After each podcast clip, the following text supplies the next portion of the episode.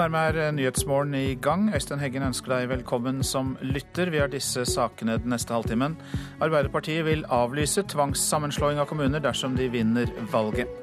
Flyktningkrisen sør i Europa er ikke over, selv om vi hører mindre om den i mediene. Det kan Leger uten grenser fortelle snart. Ungarn slo overraskende ut Danmark i håndball-VM, men nå tror, og nå tror de norske spillerne på seier mot Ungarn i kvartfinalen i morgen.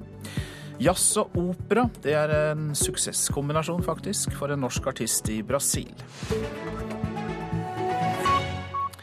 Arbeiderpartiet vil altså reversere tvangssammenslåinger av kommuner dersom de kommer til makta. Det lover kommunalpolitisk talsperson Helga Pedersen. Vi vil respektere de svarene kommunene gir. Det er ennå uklart hvor mange kommuner som til slutt blir slått sammen mot sin vilje. Tidligere har Senterpartiet garantert at dersom de kommer i regjering, så skal alle tvangssammenslåinger oppheves. Nå sier Arbeiderpartiet langt på vei det samme. Vi mener at den lokale viljen skal gjennomføres. Og hvis eh, mot formodning stortingsflertallet vedtar tvangssammenslåinger, og eh, de kommunene som er berørt av det, tar initiativ til det, eh, så vil vi omgjøre eventuelle tvangsvedtak, ja. Jeg tror ikke dette blir populært i Kommune-Norge. Sier lederen i kommunalkomiteen på Stortinget, Helge André Njåstad fra Frp. Jeg tror det blir veldig vanskelig for de kommunene. De får eh, et svar å forholde seg til før valget, og hvis det blir et regjeringsskifte, så blir det 180 grader snuoperasjon. Men før valget og eventuelle snuoperasjoner skal de som er valgt inn i dag, vedta Norges nye kommunestruktur. Njåstad åpner for at det borgerlige flertallet på Stortinget kan legge frem en avtale allerede før regjeringa kommer med sitt lovforslag. Hvis de fire partiene blir enige om noe, så er det jo ingen grunn til å, å ikke fortelle det, sånn at kommunene vet hva de har å forholde seg til. Uryddig, mener Helga Pedersen. Og av respekt for det arbeidet som er lagt ned, eh, så mener at vi må følge de ordinære måten å behandle den type saker på Stortinget. Regjeringa legger frem, Stortinget tar stilling. Og jeg vil advare mot at et knappest eh, mulig stortingsflertall vedtar strukturendringer på tvers av lokaldemokratiet og på tvers av opposisjonen i Stortinget. Reporter her var eh, Siv Sandvik. Og kommunalreform, tvang og reversering blir jo tema i Politisk kvarter på P2 kvart på åtte, programleder Håvard Grønli. Ja, her skal jeg love deg at det er debattstoff. For hva skjer med kommunereformen nå, dersom kommunene skal vite at en ny regjering vil omgjøre sammenslåingsvedtak fra Stortinget? Njåstad fra Frp her møter Arbeiderpartiet til debatt. Og så spør vi også om det kan bli slik at Rogaland blir tvinga med i det nye Vestlandet, som noen har ymta om i helga. Politisk kvarter 7.45. Gambias avgåtte leder Yaya Yame tømte statskassa og tok med seg en rekke luksusbiler da han forlot landet i helgen. Det hevder en rådgiver til landets nye president. Yame nektet å gå av, men ga seg til slutt etter at flere vestafrikanske land truet med å gripe inn militært. I løpet av eh, sine siste uker ved makten skal han ha stjålet eh, millioner av eh, dollar. Mer om denne saken etter klokka sju her i Nyhetsmorgen. Så har vi ikke glemt avisene i dag heller. Styr arven bort fra barna, er rådet fra Bill Gates til andre rikinger. Til Aftenposten sier Microsoft-gründeren at flere av verdens milliardærer bør gi formuene sine tilbake til samfunnet gjennom stiftelser.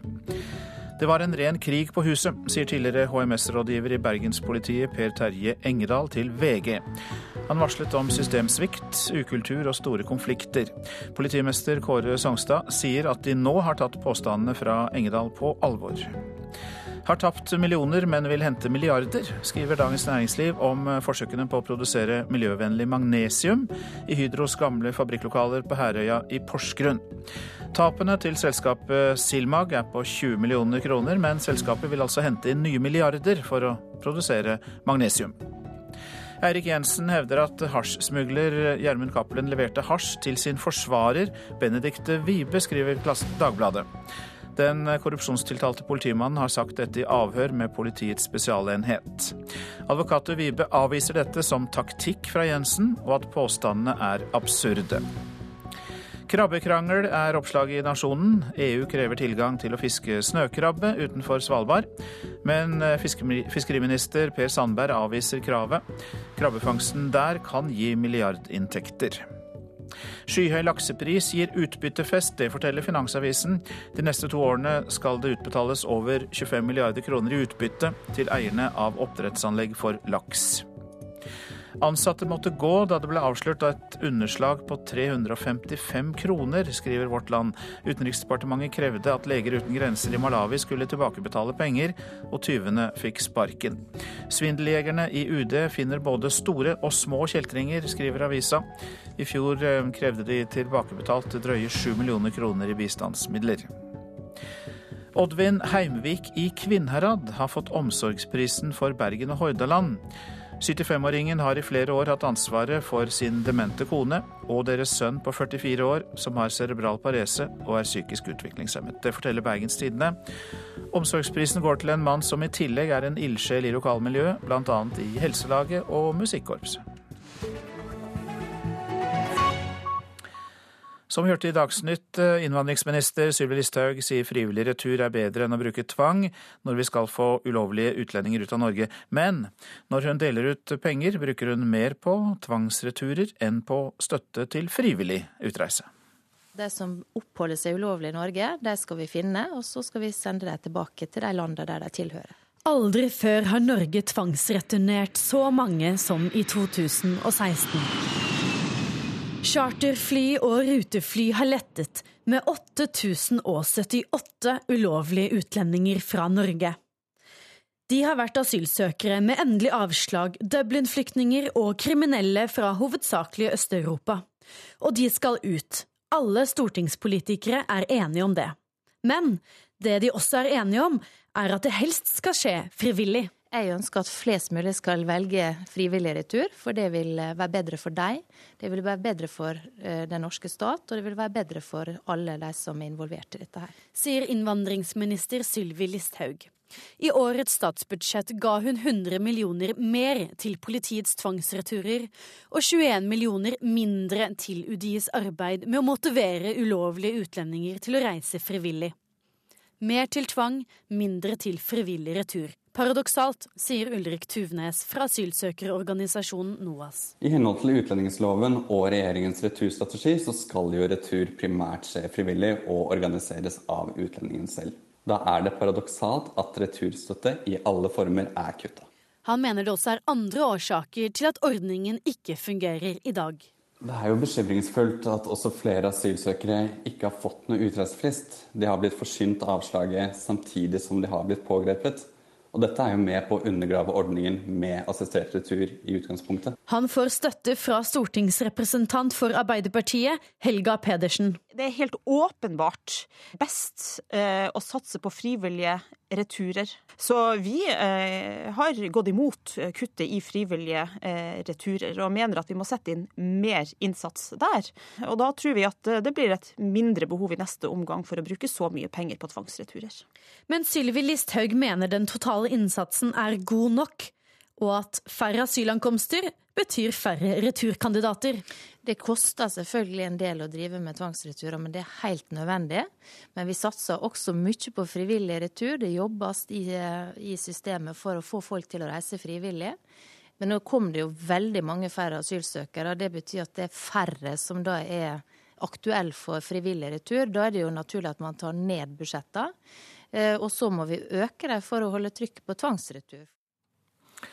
Reporter her var Sunniva Skjeggestad.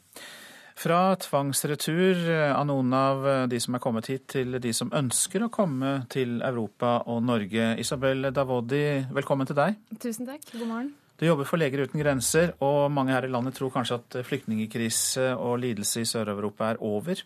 Det har vært mindre omtale i det siste. EU har jo inngått eh, en avtale med Tyrkia om å stanse flyktningstrømmen. Men etter å ha vært på øya Samos i Hellas, så kan du fortelle oss noe annet? Ja, det kan jeg absolutt. Eh, flyktningkrisen er overhodet ikke over. Eh, situasjonen har faktisk forverret seg fra da jeg var der i fjor, eh, tidligere i 2016. Og Samos er en av de øyene som jeg opplever som har dårligst levetilstand for flyktningene. Så krisen, vil jeg si, for dem i Hellas har bare blitt verre og verre. Hvordan ville du og jeg hatt det hvis vi hadde strandet som flyktninger på en gresk øy? Du og jeg ville nok Vi kjenner jo igjen til det å fryse, vi som bor i Norge. Så jeg vil si at vi hadde kjent det på oss dag inn og dag ut. Det å være kald, f.eks. Hadde vi dratt på telttur, så hadde vi hatt med oss et veldig tynt telt. Og det er de teltene de bruker der nede. Det er storm. Så bortsett fra det å ha ekstreme fysiske påkjenninger, så har du også Um, belastning mentalt. Um, så vi ville være i en tilstand av tortur, både, både, fysisk og psykisk.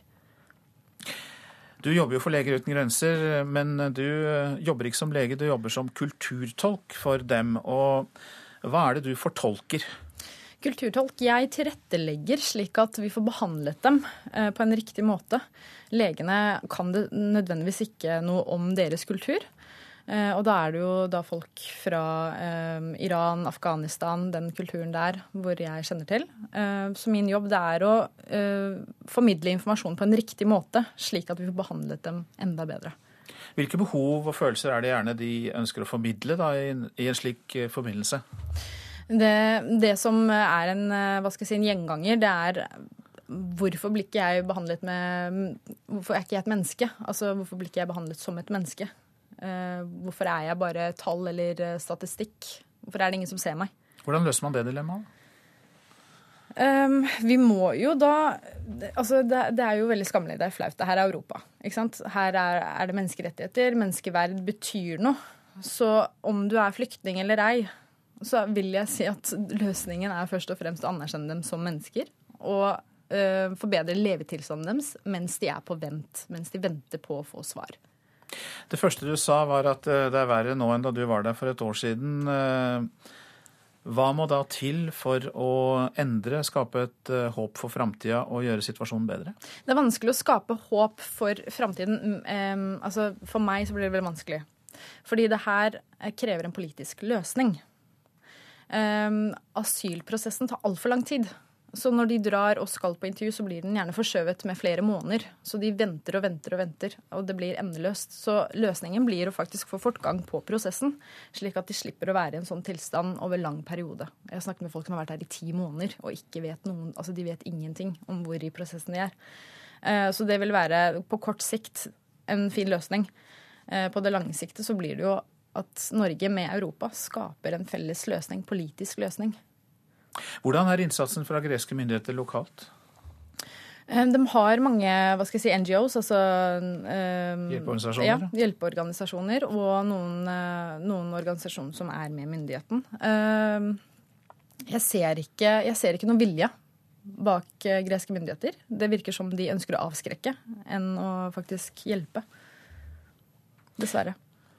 Da må vi avslutte der, selv om det viser at dette er et stort dilemma fortsatt og et stort problem sør i Europa. Takk skal du ha, Isabel Davodi, som altså jobber for Leger uten grenser. Dette er Nyhetsmorgen. Klokka har passert 6.46, og dette er hovedsakene våre.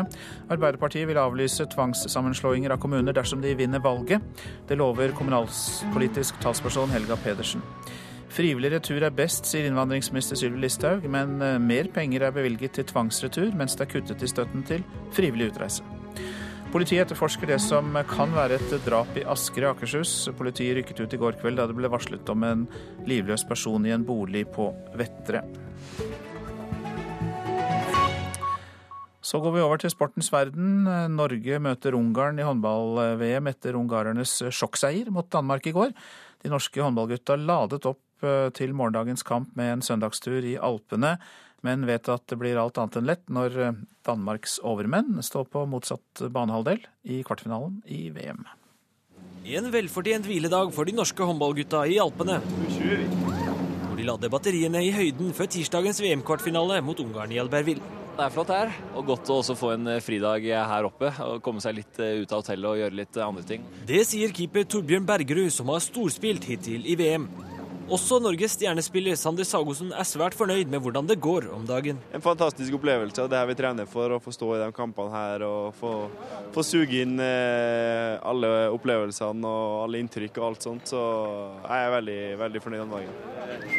Og høytflyvende Norge med landslagstrener Christian Berge i spissen har troen på at Norge slår Ungarn på tirsdag. Eh, motstanderen er tøff, eh, det er ikke noe tvil om. Eh, men, men vi tror vi tror at det finnes en mulighet, og at det, at det går an å gjøre det. Vi, vi, kan slå hvem som helst, så eh, vi har, vi har gode muligheter til å spille oss, eh, spille oss, videre og komme oss inn til Paris. NRKs håndballekspert tror ikke det blir en enkel oppgave. Jeg er alltid optimist jeg, på Norges vegne, men, eh, men det er bare å advare her mot at Ungarn er ikke noe walkover. Og et ungarsk lag med selvtillit er det er et meget godt håndballag. Og minner de norske håndballgutta om at de har slitt mot Ungarn i tidligere mesterskap. Altså, Ungarn er jo Norges eh, nemesis på, en, eh, på, mange måter. Vi har på en måte det er et lag vi har møtt i veldig mange kvalifiseringsrunder. Det er et lag vi har møtt i eh, masse mesterskap, og stort sett alltid tapt. Dette er et lag vi har hatt veldig sånn grumsete historie mot tidligere, så det er på tide å gjøre noe med det. Reporter Ali Iqbal Tahir. Og så legger vi til at eh, kvartfinalekampen altså spilles i morgen tirsdag. Du kan høre den på P1 og DAB-kanalen NRK Sport fra klokka 17. Det har gått et steinras i Leirfjord kommune i Nordland. Raset gikk ved fv. 78 ved Kamsbekk og Remnes i går kveld. Politiet tror ingen ble skadd i raset. Operasjonsleder Trond Martinussen sier det er et stort ras. Det er ca. 150 meter eh, bredt, og på det dypeste en tre meter. Hvor store er disse steinblokkene? De ha variabel størrelse, men enkelte var på størrelse med, med biler små, små hus. Hva skjer eh, videre nå på denne strekningen? Per nå så er strekningen avstengt og avsperra. Eh, vi jobber ikke i området der nå. Grunnen til det er at det er mørkt ute, og det er regn. Og vi har ikke oversikt over hvor bevegelig jordmassen er, og om det er andre små ras som ligger eh, og venter. Når eh, lyset kommer tilbake og det blir mer eh, dag, så kommer geologer til å fare ut i området og, og sjekke hvordan forholdene er. Det var altså operasjonsleder Trond Martinussen i eh, politiet. Denne uken vil Riksantikvaren bestemme om det svært omstridte dødshuset til kunstneren Bjarne Melgaard kan bli bygget eller ikke. Naboene protesterer, mens turistsjefen i Oslo tror det kan trekke flere turister til byen. Eh, vi tror at det vil øke interessen, men det er vanskelig å si hvor stor. Det sier turistsjefen i Oslo, Christian Lunde, om Bjarne Melgaards dødshus. Et svart, kantete, dystert og futuristisk hus med basseng under, som den berømte og kontroversielle norske samtidskunstneren vil reise på Oslos beste vestkant. Til voldsomme protester. Munch han følte seg dårlig behandla i Norge. Jeg tror han hadde vært jævlig forbanna. rett og slett. Jeg tror han hadde vært veldig opprørt. Problemet er nemlig at huset skal ligge ved siden av Edvard Munchs gamle eiendom, og at området delvis er fredet. Det vi står for nå, det er noen som vil overta Munchs minne. Altså Jeg syns det er liksom sånn bare en gjeng med tapere som sitter og uttaler seg om ting som de bare burde passe sine egne saker. Sa Bjarne Melgaard selv om naboene til NRK før jul. Dette er ikke for barn. Jeg er ikke interessert i barn. Jeg liker ikke barn. Og hvis de skal ha barna sine oppi det huset, så får de passe på dem. Så faller ikke det bassenget. Først sa byantikvar Janne Villeberg nei, men da utbyggerne, Selvåg og Snøhetta arkitekter, nedskalerte prosjektet og flyttet den delen av huset som ligger over bakken, ut av fredningsområdet, sa hun ja likevel. Det handler i utgangspunktet om et veldig spennende eh, hva skal vi si, kombinasjon av kunst- og boligprosjekt. Eh, og det er maken har vi jo ikke sett i Norge. Men det er Riksantikvaren som har det siste ordet. Om det blir noe hus eller ikke, får vi vite denne uka. Bør Bjarne Melgaard få sette opp dødshuset på Ekeli? Jeg syns ikke det. Sier den kjente kunsthistorikeren Tommy Sørbø. Hvis argumentet er at Bjarne Melgaard er en stor kunstner, og han har brukt et stort og kjent uh, arkitektbyrå, uh, så er ikke det i seg selv verken juridisk eller moralsk eller kunstnerisk en rett du har til å trå inn på en annen stor kunstners arena. Munch er jo for Oslo det samme som van Gogh i Amsterdam. Det er en enorm interesse for Munch, spesielt ute i verden. Sier turistsjefen i Oslo. Om han ser bort fra all krangelen, mener han at dødshuset vil kunne styrke interessen for Munch og Oslo som turistby. Dødshuset, eh, når eller hvis det blir etablert, så vil jo det være et tilskudd til eh, kultur og kunst til Oslo, som igjen vil bidra til høyere besøksantall til, eh, til byen vår. Og det er en god ting. Absolutt. Og reportere her var Kirsti Falk-Nielsen og Petter Sommer. Vi skal til Rio de Janeiro, som i helgen hadde besøk av en av Norges mest spennende artister, saksofonisten og sangeren Håkon Kornstad. Han har vakt oppsikt ved å kombinere jazz og klassisk opera, og har fått strålende anmeldelser både i Norge og i utlandet.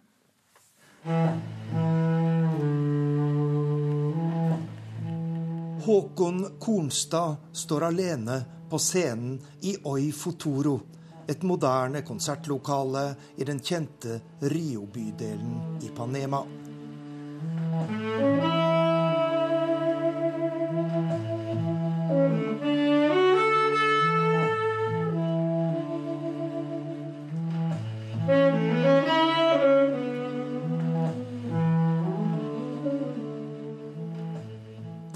hjelp av sin såkalte loop-maskin legger artisten lag på lag med musikk, slik at det høres ut som et helt orkester. Og så kommer det magiske skiftet.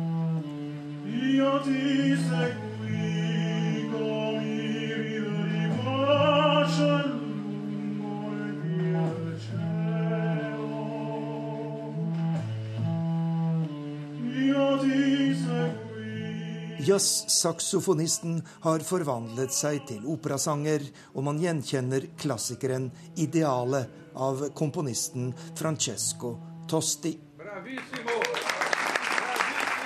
Folk er uhemmet begeistret over den norske artistens musikk. Konserten er en del av en festival som setter ny, eksperimentell musikk i sentrum. Og det er stinn brakke når Håkon Kornstad gir sin første konsert her i Latin-Amerika.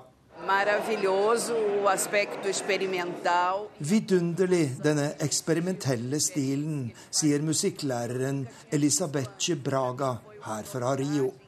En slik blanding av instrumentell jazz og operasang er noe jeg aldri har hørt før, og han er jo fremragende på begge områder.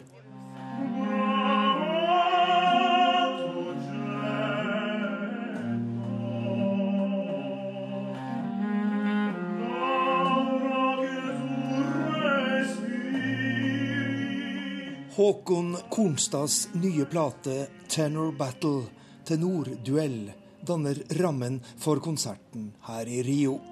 Tenorduell er en tradisjon fra 1950-tallet hvor jazzmusikere konkurrerte på små klubber i USA. I Kornstads tilfelle handler det om en slags duell mellom tenorsangeren og tenorsaksofonisten. Det er ikke bare bare å stå der med saksofon og, så, og, puste på den måten og så skulle synge. Det er virkelig, virkelig vanskelig, men det er veldig gøy når det funker.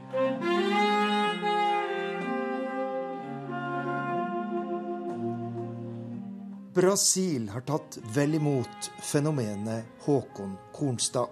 Og dermed er ringen på en måte sluttet.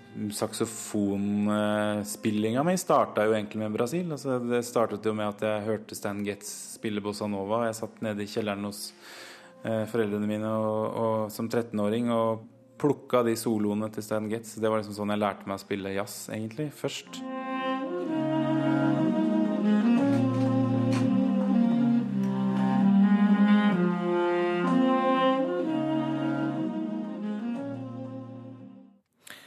Og det var uh, vår reporter Arnt Stefansen som fortalte om Brasil-besøket til uh, Håkon uh, Kornstad.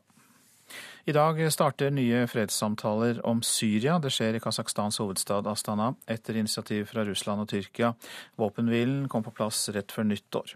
Foreløpig er ikke partene enige om de skal møtes ansikt til ansikt. Den syriske opposisjonen sier til Reuters at de bare vil forhandle om våpenhvilen og humanitære spørsmål, og ikke om en politisk løsning. Målet med samtalene i Kasakhstan er å få en slutt på den seks år lange borgerkrigen i Syria. Vi skal snakke med vår Russland-korrespondent Morten Jentoft om dette litt etter klokka halv ni her i Nyhetsmorgen. Tornadoer herjer i det sørøstlige USA. I helgen har minst 18 personer omkommet i delstatene Mississippi og Georgia.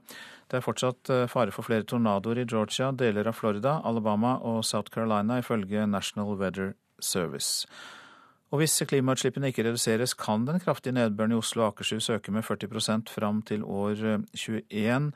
000. Gjennomsnittlig årstemperatur kan øke med fire grader, og vannstanden kan bli opptil en halv meter høyere enn i dag ved stormflo, kommer det fram i en rapport fra Norsk Klimaservice eh, som fylkespolitikerne får i dag.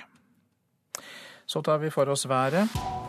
Østafjells eh, tåke først på dagen, men opphold og til dels pent vær. Noe mer skyet på Sørlandet vest for Oksøy.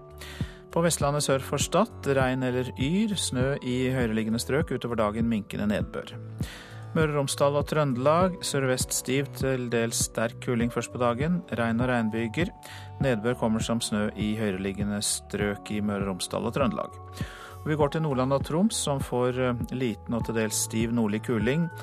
Ved Lofoten og på kysten av Troms. Regn og sluddbyger i Nordland, snøbyger i Troms. Minkende vind og nedbør ute på ettermiddagen, og til kvelden stort sett opphold. Så var det Finnmark som får snøbyger i ytre strøk, og ellers stort sett opphold. Spitsbergen enkelte snøbyger i sør og vest, men eh, ellers stort sett opphold. Og vi tar med oss temperaturer målt klokka fire i natt. Svalbard lufthavn minus 13, Kirkenes minus 17, Varde minus 2, Alta minus 11, Tromsø-Langnes minus 4. Bodø og Brønnøysund begge pluss tre. Trondheim-Værnes fire. Molde fem. Bergen-Flesland fire. Stavanger tre. Kristiansand-Kjevik én. Gardermoen minus tre, Lillehammer minus ni, Røros minus fire og Oslo-Blindern minus to.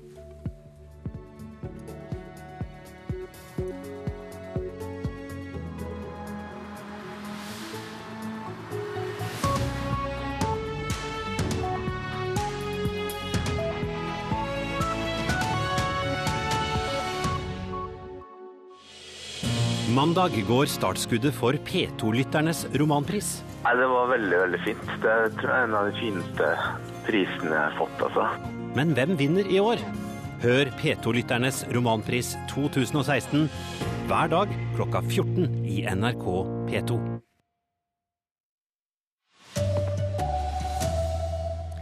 En av åtte unge kvinner er så misfornøyd med underlivet at de vurderer operasjon. Arbeiderpartiet åpner for at kommuner som blir slått sammen med tvang, kan bli egne kommuner igjen om de kommer til makta. Her er NRK Dagsnytt, klokka er sju. En av åtte, åtte, kvinner er så misfornøyd med underlivet at de vurderer operasjon. Det viser en ny undersøkelse Norstat har gjort for NRK blant 507 kvinner mellom 18 og 30 år. 1% av kvinnene i Norstats undersøkelse svarer at de har gjennomført intimkirurgi. Assisterende daglig leder i Sex og samfunn, Tore Holte Follestad, er i kontakt med mange unge som er misfornøyd med hvordan de ser ut eh, nedentil. De kommer til oss fordi de har en opplevelse av at eh, det er noe som ikke stemmer. Jeg ser ikke bra nok ut, eh, eller jeg har lyst til å se annerledes ut. Hvorfor er Sex og samfunn så store motstandere av kosmetisk intimkirurgi? Vi tenker det er et kunstig skapt Et underliv er like variert som et ansikt. Sånn at vi ser vel at eh, det er et uttrykk for at det er noe i det ikke er så spesielt bra. Eh, at sjøltilliten din og sjølbildet ditt kanskje ikke er så positivt og godt som du egentlig skulle ønske at det var. Du kan se hele dokumentaren om intimkirurgi på en nett-TV på nrk.no og på NRK1 mandag om ei uke. Reporter Emma Claire Gabrielsen. Politiet etterforsker det de mener er et drap i Asker. En politipatrulje fant en mann livløs i en bolig på Vetter i går kveld. Omstendighetene rundt hendelsen gjør at politiet tror mannen ble drept. Ingen er så langt pågrepet i saken, og politiet kjenner ikke identiteten til mannen. Arbeiderpartiet vil omgjøre tvangssammenslåinger av kommuner dersom de kommer til makta. Det lover kommunalpolitisk talsperson Helga Pedersen. Vi mener at den lokale viljen skal gjennomføres. Og hvis eh, mot formodning stortingsflertallet vedtar tvangssammenslåinger, og eh, de kommunene som er berørt av det, tar initiativ til det, eh, så vil vi omgjøre eventuelle tvangsvedtak, ja. Jeg tror ikke dette blir populært i Kommune-Norge. Sier lederen i kommunalkomiteen på Stortinget, Helge André Njåstad fra Frp. Jeg tror det blir veldig vanskelig for de kommunene. De får eh, et svar å forholde seg til før valget, og hvis det blir et regjeringsskifte, så blir det 180 graders snuoperasjon. Reporter Siv Sandvik. Gambias avgåtte leder Yaya Jammeh tømte statskassa og tok med seg en rekke luksusbiler da han forlot landet i helga. Det hevder en rådgiver til landets nye president. Jammen nekta lenge å gå av, men ga seg til slutt etter at flere land truet med å gripe inn militært. NRK Dagsnytt, Arild Svalbjørg.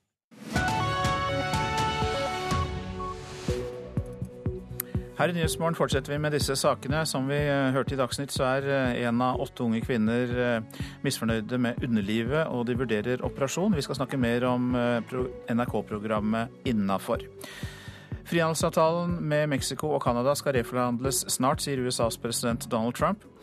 Gambias avgåtte leder Yaya Yame tømte statskassa og tok med seg luksusbiler da han forlot landet i helgen. Også flere gutter i ungdomsskolealder melder nå om spredning av nakenbilder på nettet.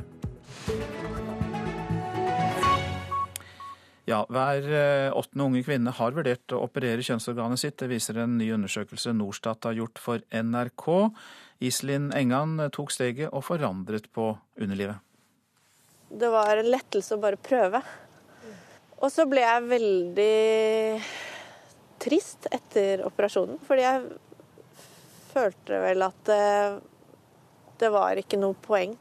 Kompleksene for underlivet hadde i flere år hindra henne fra å date og få seg kjæreste. Og da var det kanskje enklere for meg å gjøre et inngrep enn å ta den der lange veien, da.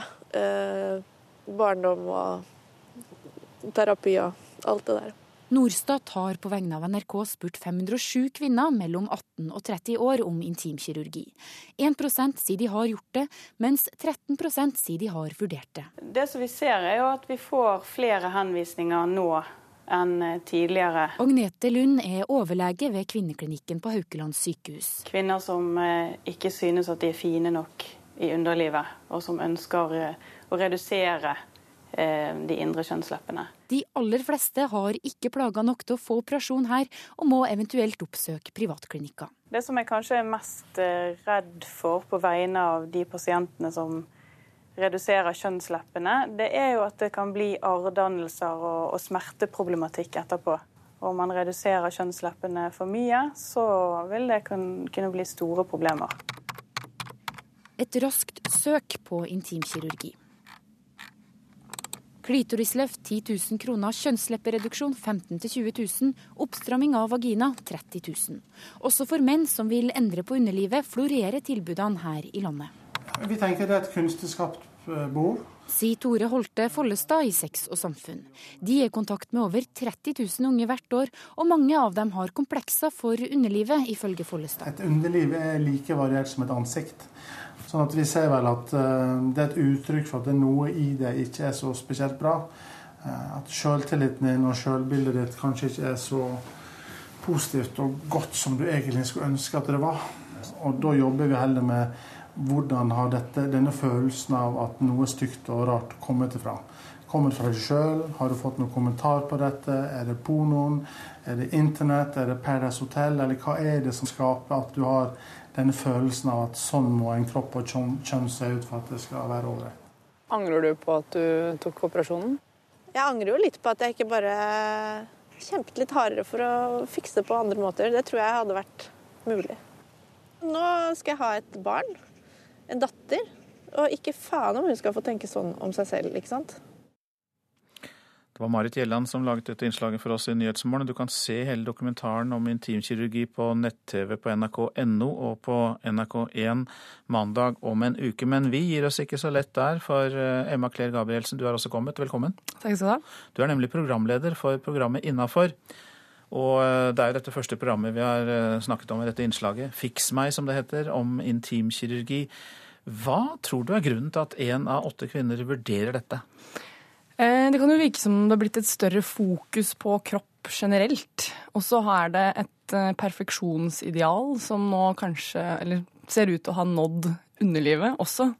Det at eh, kjønnsorganet rett og slett har fått et skjønnhetsideal. Men hva er det som har bidratt til det, da, tror du, denne endringen som du beskriver? Nei, det er jo flere som peker på f.eks. porno, eller det at man ikke Altså, man påvirkes av det man ser i media. Så Men altså, porno blir jo fort syndebukken. At du kun ser én type underliv, og det er liksom det glattbarberte, stramme, blekede. Og så det såkalte pornoidealet. Ja. Og eh, Vi hørte jo om komplekser som dukket opp her. Eh, er det lett at, eh, har, har, har, du registrert det når du har jobbet med dette programmet, at det lett dukker opp komplekser etter slike inngrep? Eh, ja, altså jeg møtte Altså etter slipkinginngrep eller før? man opererer ja, seg jo gjerne fordi man har et kompleks. Ja, men så virket det som om det dukket opp problemer etterpå også her. Så egentlig både før og etter, for å si det sånn. Ja, altså jeg møtte veldig mange jenter og snakket med mange som hadde enorme underlivskomplekser. I mye større grad enn jeg kunne egentlig forestilt meg selv. Og vi gjorde en annen undersøkelse som viste at hver sjette kvinne mellom 18 og 30 sliter med dette, eller er misfornøyd med hvordan de ser ut nedentil. Og jeg merket jo selv at jeg ble veldig påvirket av det. Jeg gikk inn i dette, den tematikken her veldig kompleksfri, og kjente at jeg ble mer og mer usikker bare av å fokusere mer på tematikken. Så jeg vil, jeg vil si at det er lett å få et nytt kompleks, sånn sett. Er det kunstig skapt behov, da? Um, altså Man kan jo si at all kosmetisk kirurgi egentlig er unødvendig, og at det at det i det hele tatt fins, sier jo litt Altså, man trenger det strengt tatt ikke. Det er jo av kosmetiske årsaker et ønske om å se penere ut. Eh, og kosmetisk kirurgi er jo også trender, på en måte, sånn som alle andre ting. Og da Du ser jo at intimkirurgi er et av de mest økende inngrepene. Eh, sånn som rumpekirurgi, f.eks., for eksempel, fordi Kim Kardashian er mye i mediebildet. Så det går liksom opp og ned. Um, og jeg tror ja, flere mener jo at det er kunstig skapt, og at det bør bekjempes. Så det Altså, du er jo programleder for dette programmet her i NRK, og ikke politiker. Men har du også fått uh, gjort deg noen tanker om man bør begrense eller redusere mulighetene for å gjøre dette her? For å nærmest hjelpe folk til å ikke gå inn i det? Ja, altså det, kanskje, det var vel kanskje det jeg tenkte før jeg begynte å gå ordentlig inn i tematikken selv. Og, men etter at jeg møtte så mange jeg, og så hvor reelle de kompleksene er for svært mange unge kvinner, og hvor hemmende det er for livene deres. Hvor ødeleggende. Kan ikke ha sex med kjæresten uten å gråte. Altså, jeg vil ikke si at Altså, på en måte så Jeg vil jo ikke forsvare det, men jeg vil heller ikke si at de ikke da skal få lov til å fikse på ting. Så hvis det hjelper dem. Mm. Et dilemma der. Mm. Eh, dette er jo da første programmet som går om en uke, som heter Fiks meg. Og serien heter jo Innafor og fortsetter med andre ting. Før vi sier takk til deg, eh, Ema Klee Gabrielsen, de neste temaene, hva er det som kommer etterpå? Program to handler om eh, moderne sexarbeid. Og nummer tre går inn i akademisk doping. Og den fjerde utforsker den nye åpenheten rundt psykisk helse. Så det er juicy liten rekke, om jeg får si det selv. det kan du godt si. Takk for at du kom hit til Nyhetsmorgen, Emma Claire Gabrielsen, programleder for eh, serien eh, Innafor her i eh, NRK. Takk.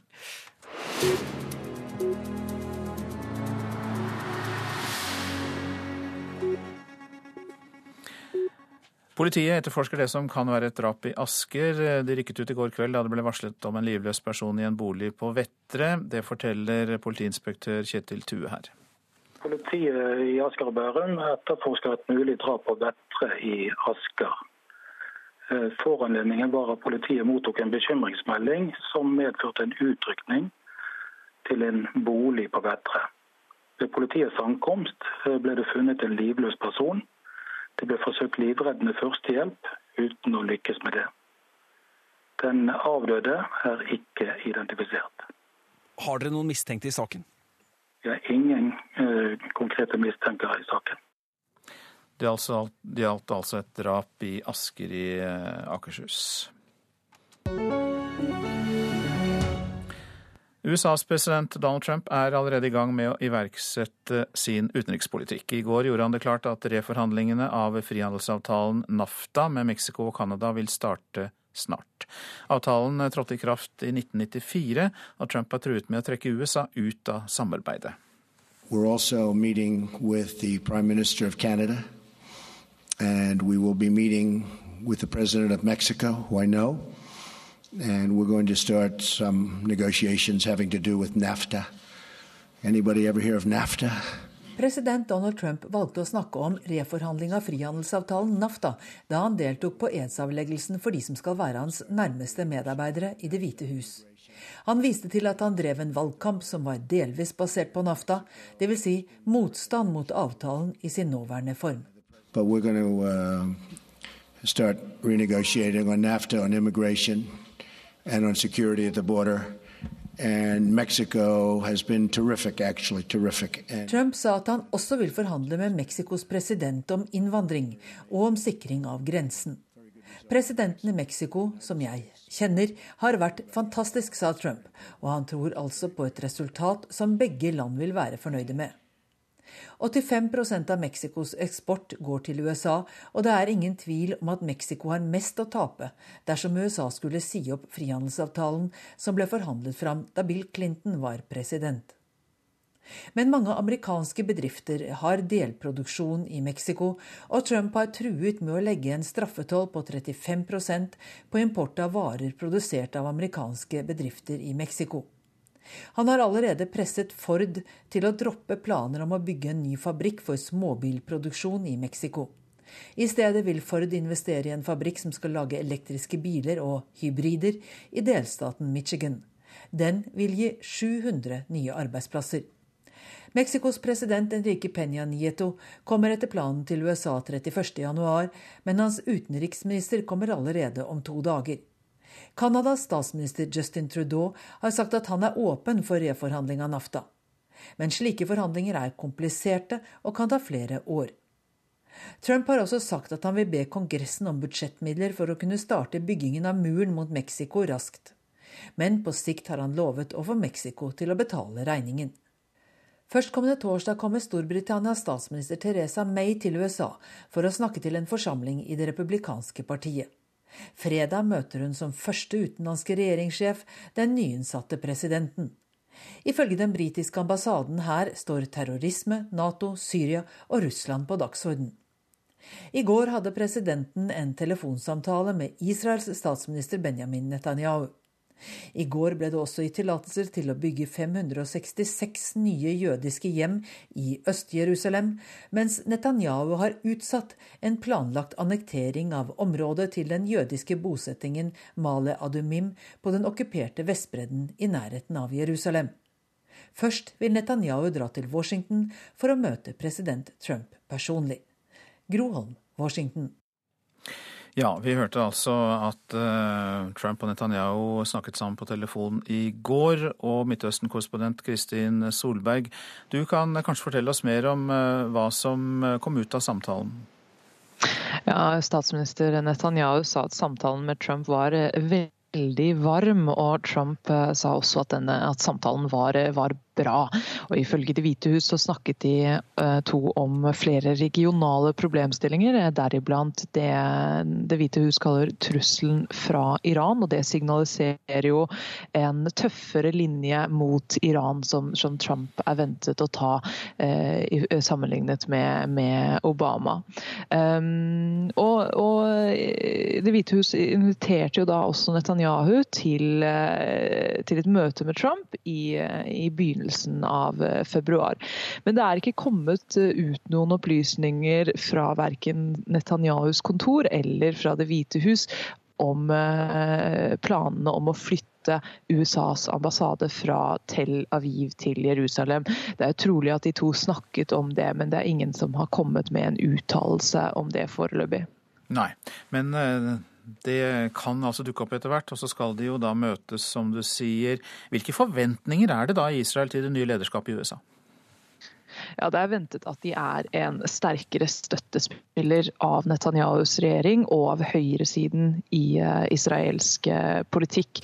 Og Netanyahu har jo flere ganger ønsket uh, Trump velkommen og, og, klart antydet at han ser fram til at han flytter inn i Det hvite hus. Uh, men meningene innad i Israel er jo også delt. Det er jo politiske motstandere også på venstresiden i Israel som, som mener at, at Trump kan bli en utfordring for, for tostatsløsning og som frykter at høyresiden i israelsk politikk vil få bli enda sterkere enn det den er eh, i dag. Og Det er jo også eh, analytikere som, som, som har påpekt at, eh, at, Netanyahu kanskje får mer enn han hadde håpet på i, i vennskapet med Trump, rett og slett ved at han har jo tidligere brukt amerikansk motstand til å stagge de som er høy, til høyre for ham i sin egen regjering og til høyre i, i israelsk politikk politikk og sagt at dette kan vi ikke gjøre, for, for amerikanerne vil ikke like det. Så har det vært et, et påskudd eh, for å bremse høyresiden. Men nå vil han ikke lenger ha dette, dette påskuddet. Og kanskje betyr det at, eh, at han selv da vil bli dratt enda lenger til høyre. Samme dag som denne samtalen fant sted mellom Trump og Netanyahu, så ble det gitt grønt lys til bygging av 566 jødiske hjem i Øst-Jerusalem. Vekker det oppsikt?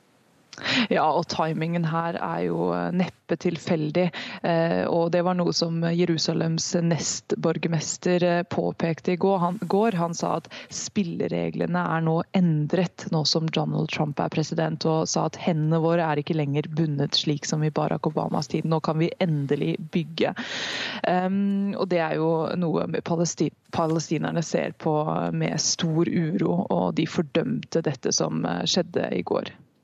Takk skal du ha, Midtøsten-korrespondent eh, Kristin eh, Solberg. Videre hjem igjen og inn til dette studio. Du er kommet økonomimedarbeider Johan Settem. Hvordan har de amerikanske børsene reagert på at Donald Trump har inntatt presidentembetet? Jo, Det har jo vært eh, knytta spenning til børsreaksjonene på at Trump tar over som president, men mye av den effekten er jo tatt ut på forhånd. I kjølvannet av innsettelsen på fredag så var det positive tall på de mest sentrale børsindeksene i USA der Joe Jones-indeksen steg med 0,5% og SMP 500 steg med 0,3% Så de helt eh, store utslagene basert på det han sa, ble det ikke. Eh, kom Wall Street noe nærmere det som da blant kjennere av aksjemarkedet kalles den magiske grensen? Nei, det er fortsatt slik at Dow Jones-indeksen ligger et godt stykke under 20 eh, 000 poeng, som er en grense som aldri har vært brutt, og som mange mener er psykologisk viktig. Etter at det har vært eh, betydelig børsoppgang siden Trump ble valgt, eh, og flere nye rekordnoteringer, så har det de siste to ukene sett under ett eh, vært nedgang og oppgang i f.eks. prisen på gull, som mange ser, på som ei trygg havn. Og Årsaken til den gode stemninga har vært lovnader om store skattekutt, som vi kjenner til, dereguleringer, store varsler, infrastrukturinvesteringer. Men det markedene nå venter på, er jo om store ord og planer følges opp med konkret politikk og åpen lommebok. Du har også registrert hva de asiatiske børsene har gjort nå i morgentimene. Hvordan er reaksjonene der? Det er litt blanda og ikke de helt store utslagene. I Japan så faller Nikkei-indeksen med 0,8 mens Hang Seng-indeksen i Hongkong ligger omtrent flatt. Og på fredag så blir det en ny toppnotering på Oslo Børs, og så får vi se i spenning på hvordan det går i dag. Takk skal du ha, Johan B. Settem, økonomimedarbeider her i NRK. Klokka er 7.20, dette er hovedsaker. En av åtte unge kvinner er misfornøyde med underlivet. Så misfornøyde at de vurderer operasjon, viser en ny undersøkelse Norstat har gjort for NRK og programserien Innafor. Arbeiderpartiet vil avlyse tvangssammenslåinger av kommuner dersom de vinner valget. Det lover kommunalpolitisk talsperson Helga Pedersen. Og frihandelsavtalen med Mexico og Canada skal reforhandles snart. Det sier USAs president Donald Trump. Men nå til Gambia. Der har presidenten som klamret seg til makten så lenge, forlatt landet. Det skjedde etter at flere vestafrikanske land truet med å gripe inn militært. Og nå feires det i gatene over hele landet.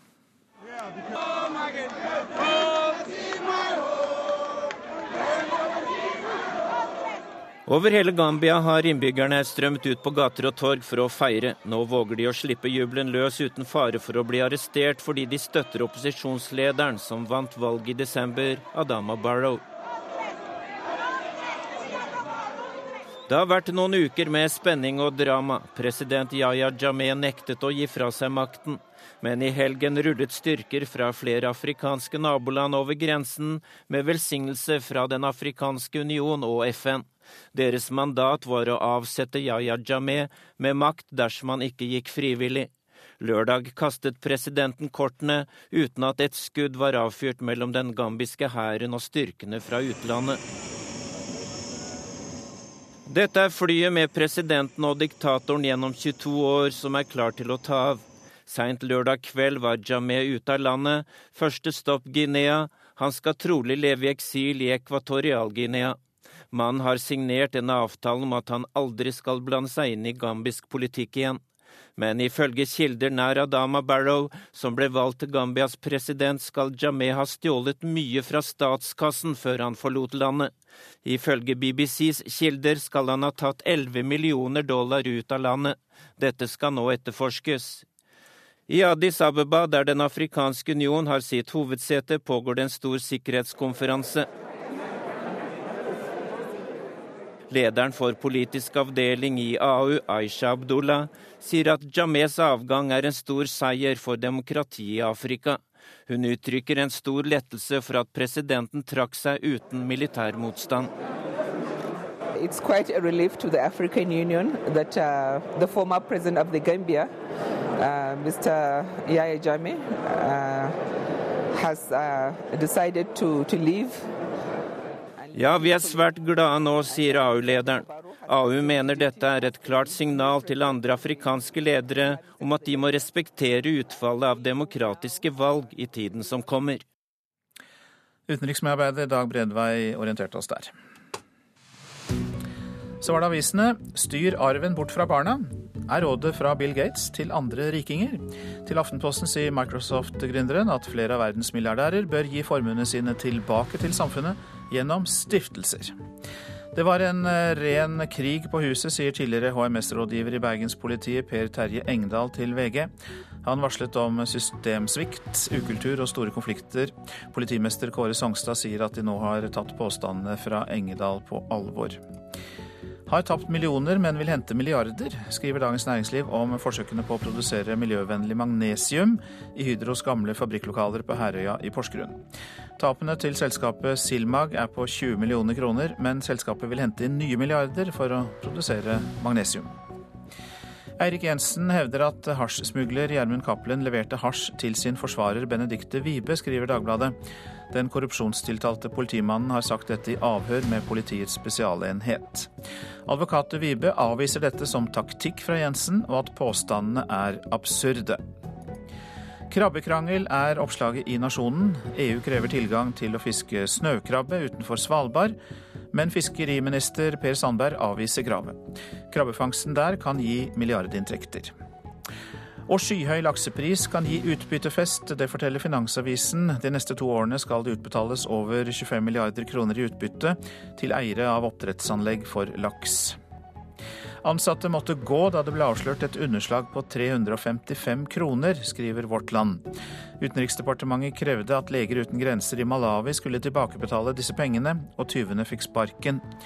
Svindeljegerne i UD finner både store og små kjeltringer, skriver avisa. I fjor krevde de tilbakebetalt drøyt 7 millioner kroner i bistandsmidler. Oddvin Heimvik i Kvinnherad har fått Omsorgsprisen for Bergen og Hordaland. 75-åringen har i flere år hatt ansvaret for sin demente kone, og i tillegg deres sønn på 44 år som har cerebral parese og er psykisk utviklingshemmet. Det forteller Bergens Tidende. Og 75-åring eh, Heimvik er i tillegg en ildsjel i lokalmiljøet, bl.a. i helselaget og musikkorpset.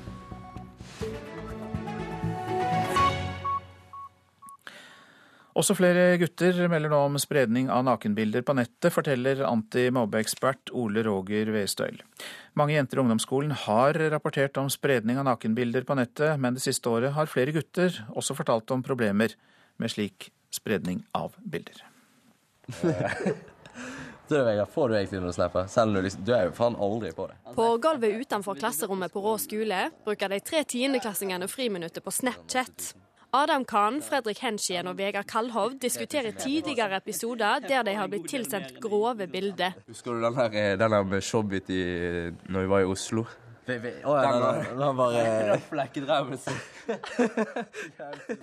Vet dere om noen som har mottatt nakenbilder på Snapchat? Eh, ja, vi gjør vel det. Ja. Det er vel et par av vennene mine og sånt. Har det blitt spredd videre? Nei, det har det ikke. Men eh, vi har hørt om det. Noen vil jo si at det er på en måte litt kult å få det. sant? Ifølge barn- og medieundersøkelser har 15% av 15-16-åringene sendt nakenbilder av seg sjøl. Og som kjent har mange jenter blitt utsatt for spraying, men nå åpner også guttene seg mer og mer opp om problemet. Det vi har merka en, en, endring i, at det er flere gutter som kommer med, eh, med, utfordringer i forhold til at de har tatt nakenbilde av seg sjøl, og så har de da lagt ut på nett, eh, f.eks. på Snapchat, og så har det blitt spredd videre derfra eller i, i andre kanaler, digitale. Det forteller antimobbeekspert Ole Roger Vestøyl, som er foredragsholder i Norges største skoleturné mot nettmobbing. Og dere, jeg lurer på Hvorfor er det sånn? Hvorfor er det så vanskelig å snakke om sånne netting til voksne, spesielt mamma og pappa? Etter å ha holdt foredrag for over 40 000 elever i fjor, strømde guttene til for å fortelle om bildedelinga. De lurer på hvordan, hva kan jeg gjøre, uh, hvor får jeg hjelp, er det mulig å få sletta det, osv. Fredrik, du har kommet høyt opp på førsteplassen min. helvete. Ja, Du er fortsatt ikke på listen min ennå, men uh... Hvorfor tror dere det er sånn at det på en måte har vært flere jenter enn gutter som har meldt ifra? Det er jo ganske kleint å si at du har sendt noe, noe sånt til noen andre, uh, og at de har, har selve bildet er jo enda mer, enda mer kleint. sant? Og ikke si ifra om at en har blitt delt nakenbilder av, kan få store konsekvenser på flere ulike måter, ifølge antimobbeekspert Vestøyl. På det personlige eller psykiske plan så er det jo veldig vanskelig for noen å, å takle og vite at eh, det går eh, en halv skole rundt med nakenbilde av en eh, person. Og andre konsekvenser er jo at bildene kan jo bli misbrukt videre, følge med deg kanskje resten av livet. Reporter her var Mai Helen Rolfsnes. Du lytter til Nyhetsmorgen, og vår produsent i dag er Marit Selmer Nedrelid. Her i studio, Øystein Heggen. Det hvite hus fikk et nytt preg tilpasset de nye beboerne etter presidentskiftet, men endringene kom ikke bare der. Hva tenker vi på? Det får du vite i reportasjen etter Dagsnytt.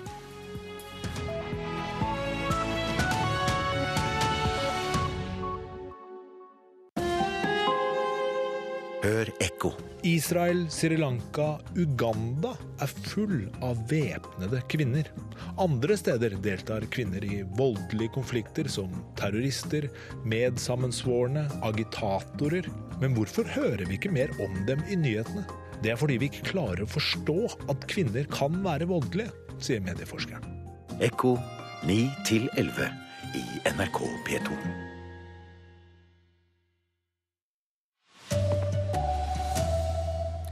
En av åtte unge kvinner er så misfornøyd med underlivet sitt at de vurderer plastisk kirurgi. Kommuner som blir slått sammen med tvang, kan bli egne kommuner igjen om Arbeiderpartiet kommer til makta. Og Donald Trump skryter av Mexico før forhandlingene om frihandel og innvandring starter. Her er NRK Dagsnytt, klokka er 7.30. Én av åtte unge kvinner er så misfornøyd med underlivet at de vurderer operasjon. Det viser en ny undersøkelse Norstat har gjort for NRK. Iselin Engan tok steget og forandra på underlivet. Det var en lettelse å bare prøve.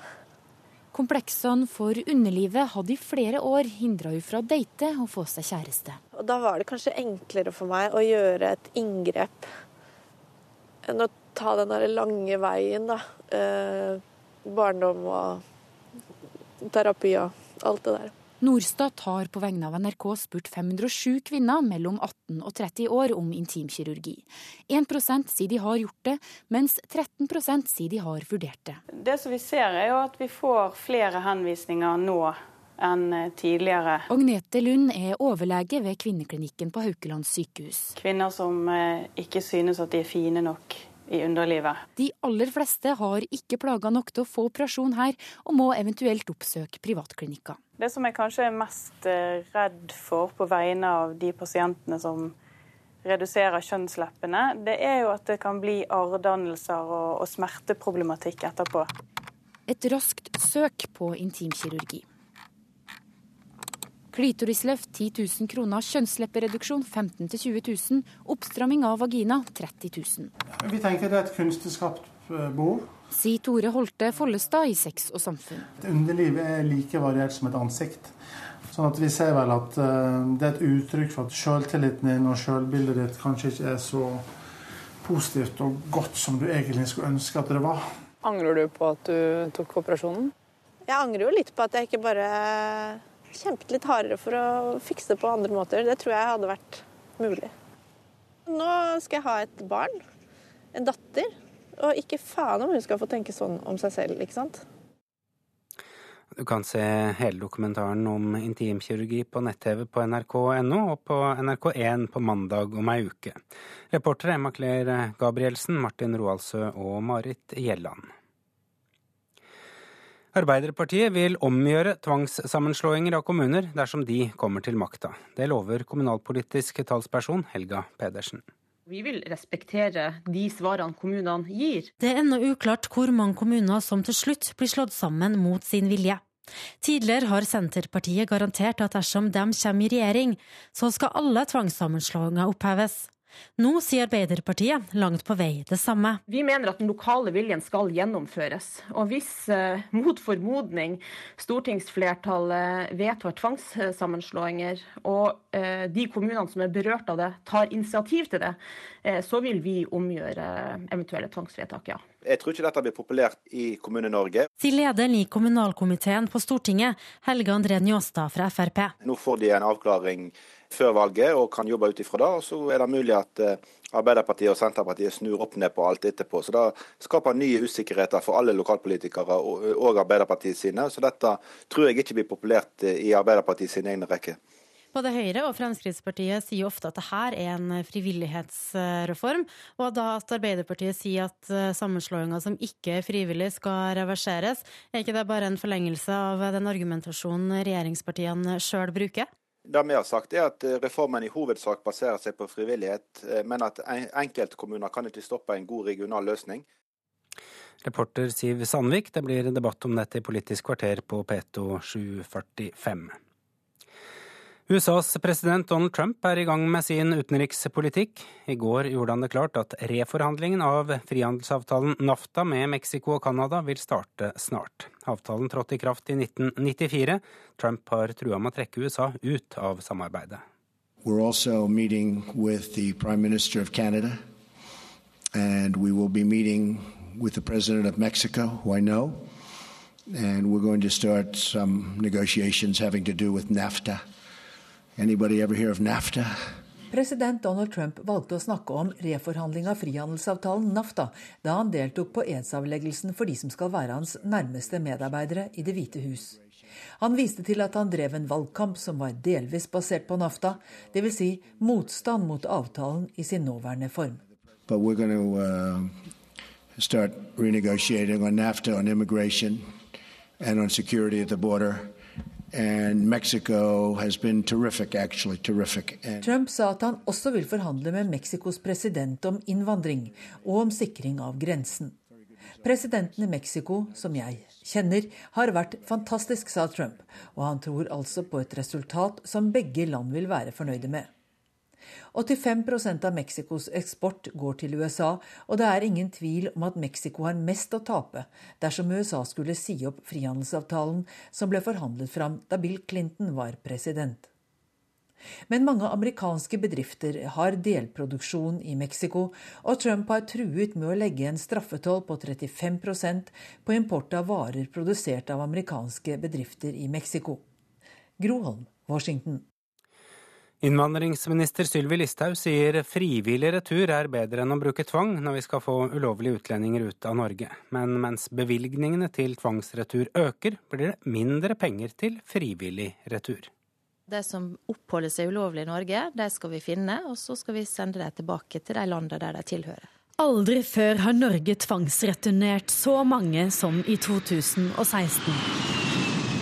Charterfly og rutefly har lettet med 8078 ulovlige utlendinger fra Norge. De har vært asylsøkere med endelig avslag, Dublin-flyktninger og kriminelle fra hovedsakelig Øst-Europa. Og de skal ut. Alle stortingspolitikere er enige om det. Men det de også er enige om, er at det helst skal skje frivillig. Jeg ønsker at flest mulig skal velge frivillig retur, for det vil være bedre for deg. Det vil være bedre for eh, den norske stat, og det vil være bedre for alle de som er involvert i dette her. Sier innvandringsminister Sylvi Listhaug. I årets statsbudsjett ga hun 100 millioner mer til politiets tvangsreturer og 21 millioner mindre til UDIs arbeid med å motivere ulovlige utlendinger til å reise frivillig. Mer til tvang, mindre til frivillig retur. Paradoksalt, sier Ulrik Tuvnes fra asylsøkerorganisasjonen NOAS. I henhold til utlendingsloven og regjeringens returstrategi så skal jo retur primært skje frivillig og organiseres av utlendingen selv. Da er det paradoksalt at returstøtte i alle former er kutta. Men Sylvi Listhaug mener den totale innsatsen er god nok, og at færre asylankomster betyr færre returkandidater. Da er det jo naturlig at man tar ned budsjettene. Eh, og så må vi øke det for å holde trykket på tvangsretur, for det vil det alltid være behov for. Reporter Sunniva Skjeggestad. Politiet etterforsker det som kan være et drap i Asker. Politiet rykka ut i går kveld da de ble varsla om en livløs person i en bolig på Vettre, sier politiinspektør Kjetil Tue. Politiet i Asker og Bærum etterforsker et mulig drap på Vettre i Asker. Eh, foranledningen var at politiet mottok en bekymringsmelding som medførte en utrykning til en bolig på Vettre. Ved politiets ankomst eh, ble det funnet en livløs person det ble forsøkt livreddende førstehjelp uten å lykkes med det. Den avdøde er ikke identifisert. Har dere noen mistenkte i saken? Vi er ingen uh, konkrete mistenker i saken. Reporter Haldor Asvald. Ingen er meldt savna eller skadd etter et stort stein- og jordras eh, som sperrer veien ved Remnes i Leirfjord i Nordland. Politiet melder at noen av steinblokkene som raste ut i veien, var på størrelse med personbiler eller små hus. Gambias avgåtte leder Yaya Jammeh tømte statskassa og tok med seg en rekke luksusbiler da han forlot landet i helga. Det hevder en rådgiver til landets nye president. Jammeh nekta lenge å gå av, men ga seg til slutt etter at flere vestafrikanske land trua med å gripe inn militært. Hull-spiller Ryan Mason pådro seg hjerneblødning og kraniebrudd i gårsdagens kamp mot Chelsea og ble operert i går kveld. Ifølge flere engelske medier var skadene livstruende, men klubben skriver i en uttalelse at Masons tilstand er stabil, og det er venta at han blir på sykehus de nærmeste dagene. Mason ble skadd i en duell med Chelsea-spiller Gary Cahill. Ansvarlig for NRK Dagsnytt i dag, Erlend Rønneberg. I studio, Arild Svalbjørg.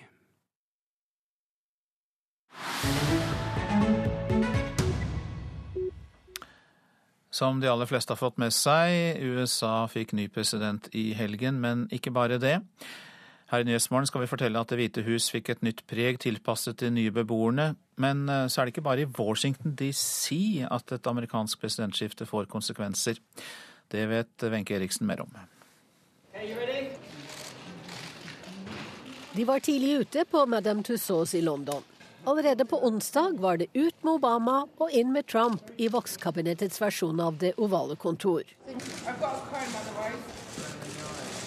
En sminkør dypper penselen i noe maling som er ganske så oransje. En kollega bruker skaftet på tuperingskammen til å løfte litt til på den tunge luggen. I kind of believe it's like bob, then because it's quite long on top, and then he kind of swoops it over. But yeah, hopefully we've captured it. Håret var visst det vanskeligste, ifølge hovedskulptør David Gardner. Men de tror de har fått det til etter mye research. Hentesveisen som ikke lenger er så gul som den en gang var. Hårmanken på voksutgaven av Donald Trump består av ekte menneskehår og jakk-oksehår. De kraftige øyenbrynene ekornpels. The most difficult um, part of creating a wax figure is actually nothing physical. It's capturing their essence and their personality. Alex Cameron ved Madame Tussauds sier at det egentlig ikke er det fysiske som er det vanskeligste, men det å fange personligheten. Capturing his personality, and the key in that is, is, in, is in the expression. Og de hadde faktisk en Trump-figur på laget fra før. For eiendomsmogulen var kjendis allerede i 1997, og sa ja til at Vox-figurmakerne kunne komme til Trump Tower og ta mål og bilder av ham. Litt oppdatering måtte jo til. Litt eldre, med presidentaktig 20 lag med maling. Men nøkkelen til å fange personligheten ligger altså i selve uttrykket. The, the and the texturing of the face and everything, and yeah, the hair as well. It, Hovedskulptør Gardner er fornøyd med resultatet. Trutmunnen, teksturen i ansiktet og håret, selvsagt. Donald Trump står støtt i sitt ovale kontor, skuler ut i rommet med et overlegent blikk og har hendene godt plantet i beltet sitt på hver side av det røde republikanerslipset. Med et lite amerikansk flagg på den mørkeblå dressjakken. Uh, it was kind of to show his kind of uh, prowess, and I think the pose goes alongside the character. Han ser veldig ekte ut. Men ikke akkurat vennlig. Not, not friendly, but I think it's, it's really him. I think it really captures him.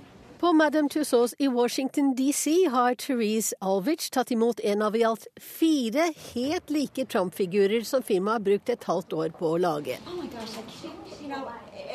De begynte på en av Hillary Clinton også, forresten, hvis du lurer på det. Om hun er bekymret for at noen skal forsøke å gjøre noe med statuen av den omstridte presidenten? Um. Ikke veldig. Well, we have staff that, that will be around in case something, you know, goes wrong, but we're anticipating the best. We're not too concerned.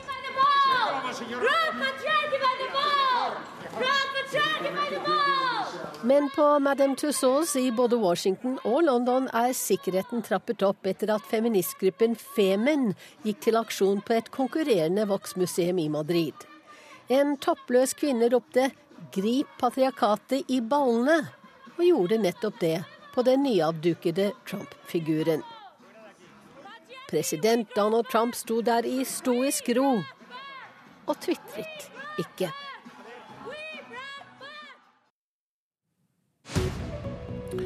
Dette er hovedsaker i Nyhetsmorgen. En av åtte unge kvinner er så misfornøyd med underlivet sitt at de vurderer plastisk kirurgi. Det viser en ny undersøkelse Norstat har gjort for NRK. Kommuner som blir slått sammen med tvang, kan bli egne kommuner igjen om Arbeiderpartiet kommer til makta, sier Aps kommunalpolitiske talsperson Helga Pedersen. Innvandringsminister Sylvi Listhaug sier frivillig retur er bedre enn å bruke tvang når vi skal få ulovlige utlendinger ut av Norge, men mens bevilgningene til tvangsretur øker, blir det mindre penger til frivillig retur.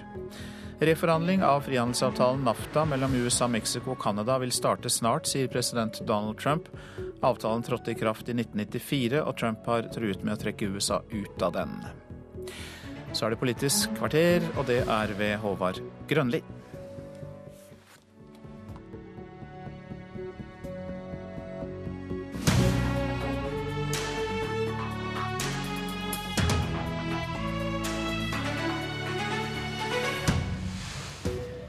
Arbeiderpartiet kommer med en lovnad til kommunene. Hvis de blir tvangsgifta av det blå stortingsflertallet, så skal en ny regjering kunne innvilge skilsmisse. Er det det endelige farvelet til en omfattende kommunereform vi hører nå? Velkommen til Politisk kvarter. Arbeiderpartiets kommunalpolitiske talsperson Helga Pedersen sier til NRK i dag at en ny Ap-regjering kommer til å la tvangssammenslåtte kommuner skilje lag dersom de tar initiativ til dette. Pedersen sjøl var forhindra fra å komme til Politisk kvarter, men Stein Erik Lauvås, du er Pedersens kollega i kommunalkomiteen på Stortinget. God morgen. God morgen, god morgen. Hvorfor vil dere oppheve tvangssammenslåinga av kommuner?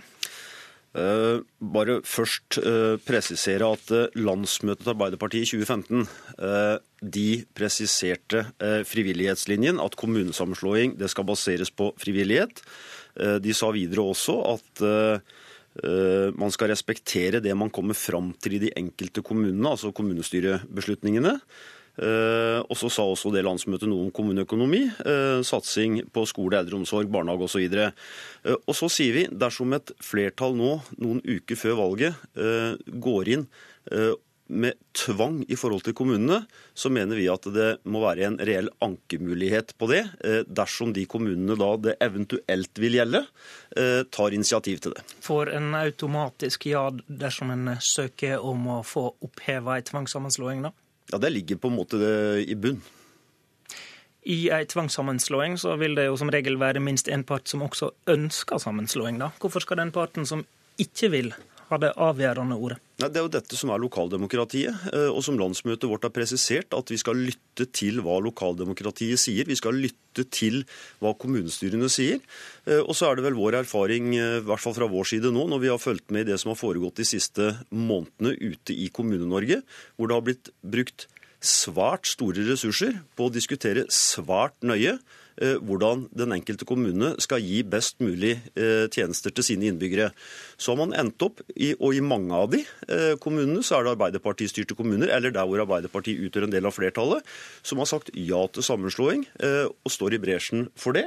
Og så er det en del kommunestyrer som har sagt nei etter vurderingene. Vi mener at vi har grunnlag for å kunne klare å, å gjøre dette som egen kommune. Og, og Njåstad som sitter her, han har jo selv vært en del av nei-flertallet i sin egen kommune Austevoll.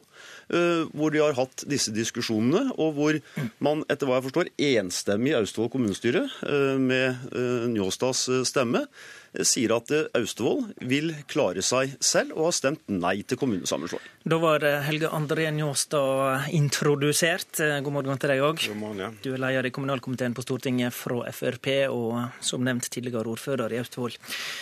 Det er kanskje ikke noen vits for Stortinget å vedta tvangssammenslåinger etter dette signalet fra Arbeiderpartiet? da?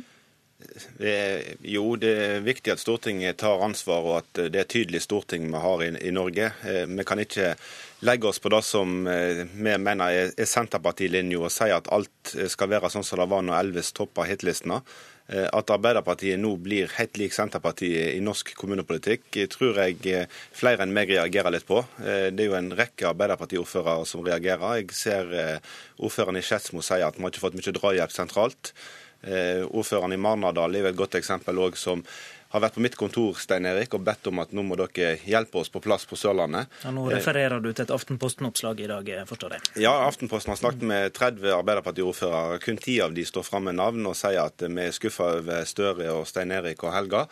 Eh, og 20 til legger Breisio til om at de får ikke noe drahjelp. Og Jeg forstår de veldig godt, eh, for det er mange Arbeiderparti-ordførere som har gjort en kjempegod jobb i kommunereformen. Men det du kaller drahjelp, det betyr altså at eh, stortingsflertallet etter ditt syn vil vedta en del tvangssammenslutninger? da? Det betyr, det som, det, betyr det som Arbeiderpartiet vedtok i sitt landsmøte i 2013.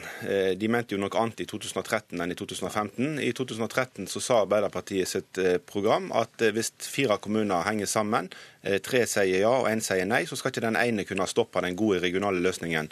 Eh, og det er jo den. Eh, jeg har hatt besøk av en Arbeiderparti-ordfører på mitt kontor som sier at eh, nå er det én kommune som stopper en god løsning.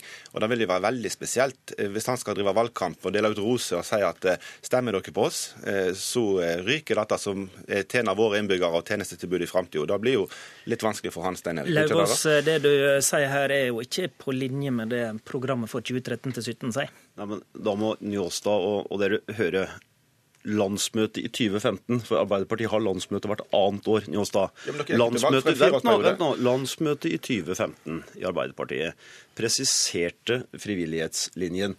Det er det eh, vi har å, å forholde oss eh, til.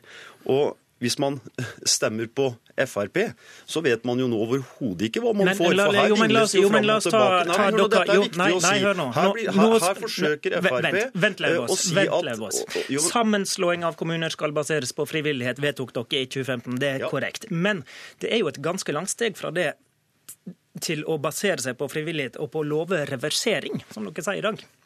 Vi har sagt at vi mener det er fornuftig å ha en ankemulighet for de kommunene det vil måtte gjelde, dersom det nå blir brukt tvang. Og tilbake til dette her. Er det det dere vil gå til valg på i 2017? I dette, så vet man ikke hva man får. For her har man solgt inn kommunereformen som en frivillig reform fra starten av. Og nå sitter altså Njåstad og Fremskrittspartiet og sier at nei, dette er ikke frivillig lenger. Nå vil vi bruke tvang fordi at eh, vi fikk ikke som vi vil. Mens Njåstad selv sitter i sin egen kommune og sier nei til sammenslåing sammenslåing. Greit, Dette henger det. altså ikke på greip. Stortinget har vedtatt at det skal være reell frivillighet for de kommuner som deltar i sammenslåingsprosesser. Njåstad. Eh, vi sier det samme som har sagt siden 2014, og det er det samme som Arbeiderpartiet mente for en liten tid tilbake. De, de skifta jo mening ifra Er ikke Aps linje reell frivillighet, da, som Stortinget har vedtatt? En får en Jo, hvis du går til 2013 Ap, eh, men 2015 Ap har en litt annen holdning, og, og nå i det siste så skifter de jo mening flere ganger samme dag. men hvis du skal tvinge gjennom tvangssammenslåinger, er det da reell frivillighet, som det står i stortingsvedtaket? Eh, vi sier at vi baserer oss på frivillighet, men i unntakstilfeller La oss bruke eksempelet på Sørlandet. Det er to kommuner, Mandal og Mannadal, eh, som har eh, Arbeiderpartiordfører i Manadal, som vil bli en, en naturlig region. Lindesnes sa knepent nei i en folkeavstemning, men mange politikere der mener at det er det riktige. De kommer til å si at nå må dere hjelpe oss på plass for å få den gode løsningen på Sørlandet. Arbeiderpartiordføreren sier at nå må dere hjelpe oss. men du finner forsvinnende få sånne eksempel? Nei, Du finner en fire-fem eksempel. og vi snakker ikke Ok, Så det er fire-fem tvangssammenslåinger det kan bli, da? Nei, det er fire-fem sånne inneklemte kommuner som, eh, som per i dag eh, framstår sånn. Hvor mange eh, tvangssammenslåinger bør Stortinget vedta, da? Nei, det får vi komme tilbake til. Men det er det som er veldig spesielt. Hvis de får en avklaring av Stortinget nå, at dere blir én kommune, det store flertallet i den regionen er fornøyd med dette, Arbeiderpartiordførerne lokalt er fornøyd med det, så er det veldig spesielt at de skal drive valgkamp, og at man garanterer at det blir omgjort fordi et lite mindretall i den regionen ønsker det. Så skal Arbeiderpartiet i lag med Senterpartiet omgjøre gjøre det. Det er jo da Stein Erik nå bekrefter, at hvis vi skulle finne fram at Mandalsregionen skal ha en, en ny kommune, så skal han pga. hensynet til noen få i Lindesnes omgjøre det.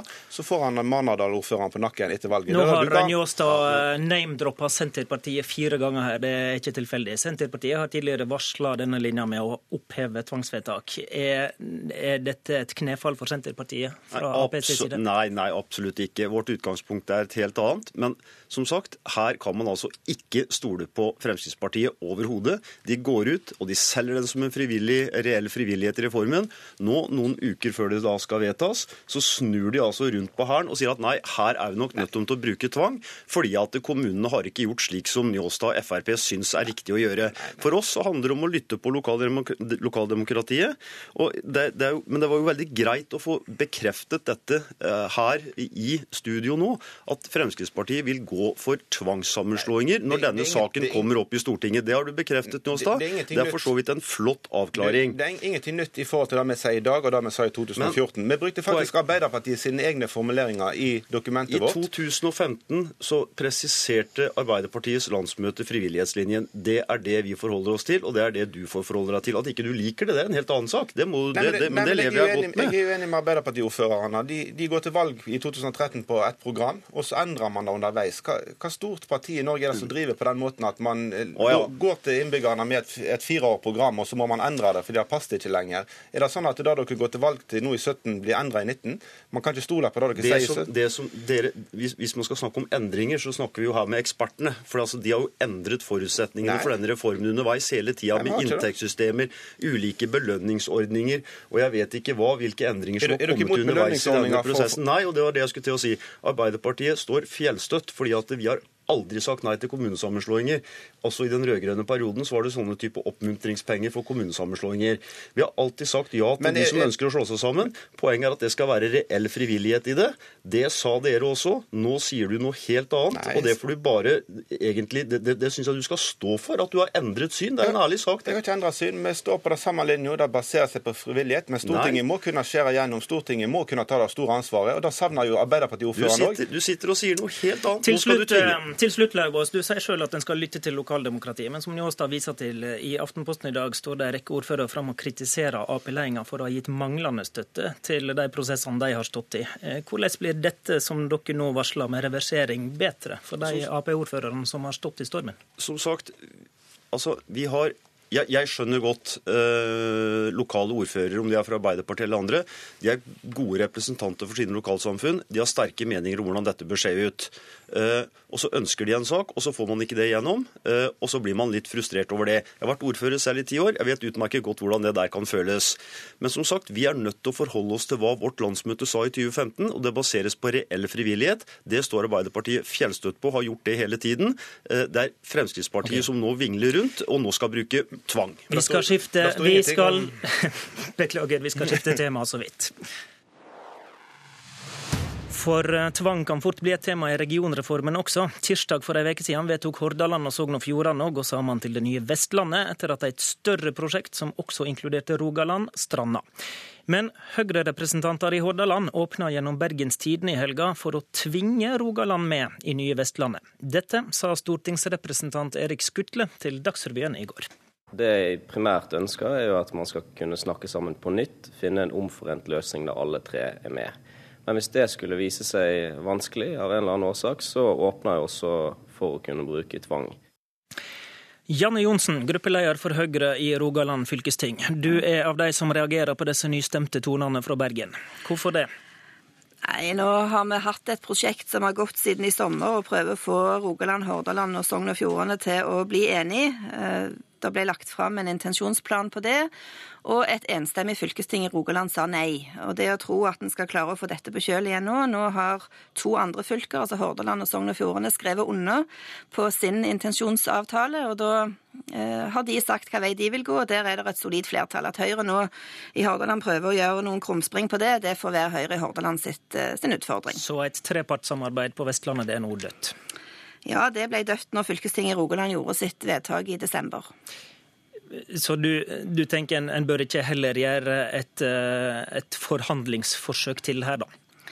Det var ikke vilje i fylkestinget i Rogaland enstemmig til å se på den avtalen, eller det utkastet som lå.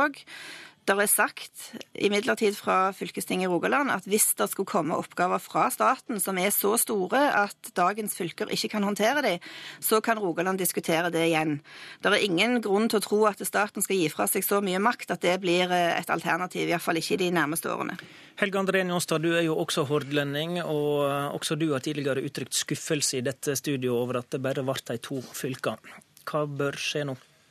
Eh, ja, Som hordalending så mener jeg at eh, skal vi bli en motmakt mot Østlandet og, og hovedstadsområdet, så bør eh, Stavanger og Bergen og, og Rogaland og Hordaland være i samme region. Det er først da du får stort nok bu- og arbeidsmarked, nok folk til å bli en skikkelig motvekt. Og det er òg naturlig all den tid vi skal bruke masse milliarder på å investere for å knytte de byene sammen med Rogfast og Hordfast. Så jeg er litt skuffa over at at Hordaland så raskt etter Rogaland sitt nei valgte å kun eh, satse alt på Sogn og Fjordane, og ikke lenger tenke den store tanken. Men hva bør skje? Jeg mener man burde sette seg ned og snakke litt, litt mer lokalt. Eh, jeg er ikke fulgt på den linja til, til Skutla at man skal på en måte for Stortinget si at det blitt tvang. Eh, okay, vil du avvise det i dette spørsmålet? Jeg, jeg, jeg har ikke fullmakt til å på en måte avvise eller bekrefte noe som helst eh, der. Men jeg, jeg tror ikke at det går an å, tvinge et fylke av Rogalands størrelse inn i en vestlandsregion mot sin vilje. Men jeg tror det ville tjent både Rogaland og Hordaland å snakke litt videre om hvordan man skal håndtere det. Spesielt okay. dersom Østlandet får en stor en stor region, så må Vestlandet tenke seg om. Johnsen, hvordan hører du disse signalene fra lederen i kommunalkomiteen? Nei, Jeg tror at det kommunalkomiteen bør bruke tiden på fremover, det er å se på hvilke oppgaver er det disse fylkene skal ha. Det er ingenting av det innholdet som ligger i regionreformen så langt som tilsier at Rogaland trenger å gjøre noe med å løse oppgavene våre bra. Vi har en tiendedel av befolkningen. Det er ikke gitt noen føringer fra Stortinget om hvordan disse nye regionene skal se ut. Ok, Johnsen, tida renner ut. Takk for eh, at du var med. Takk også til Njåstad Løvaas.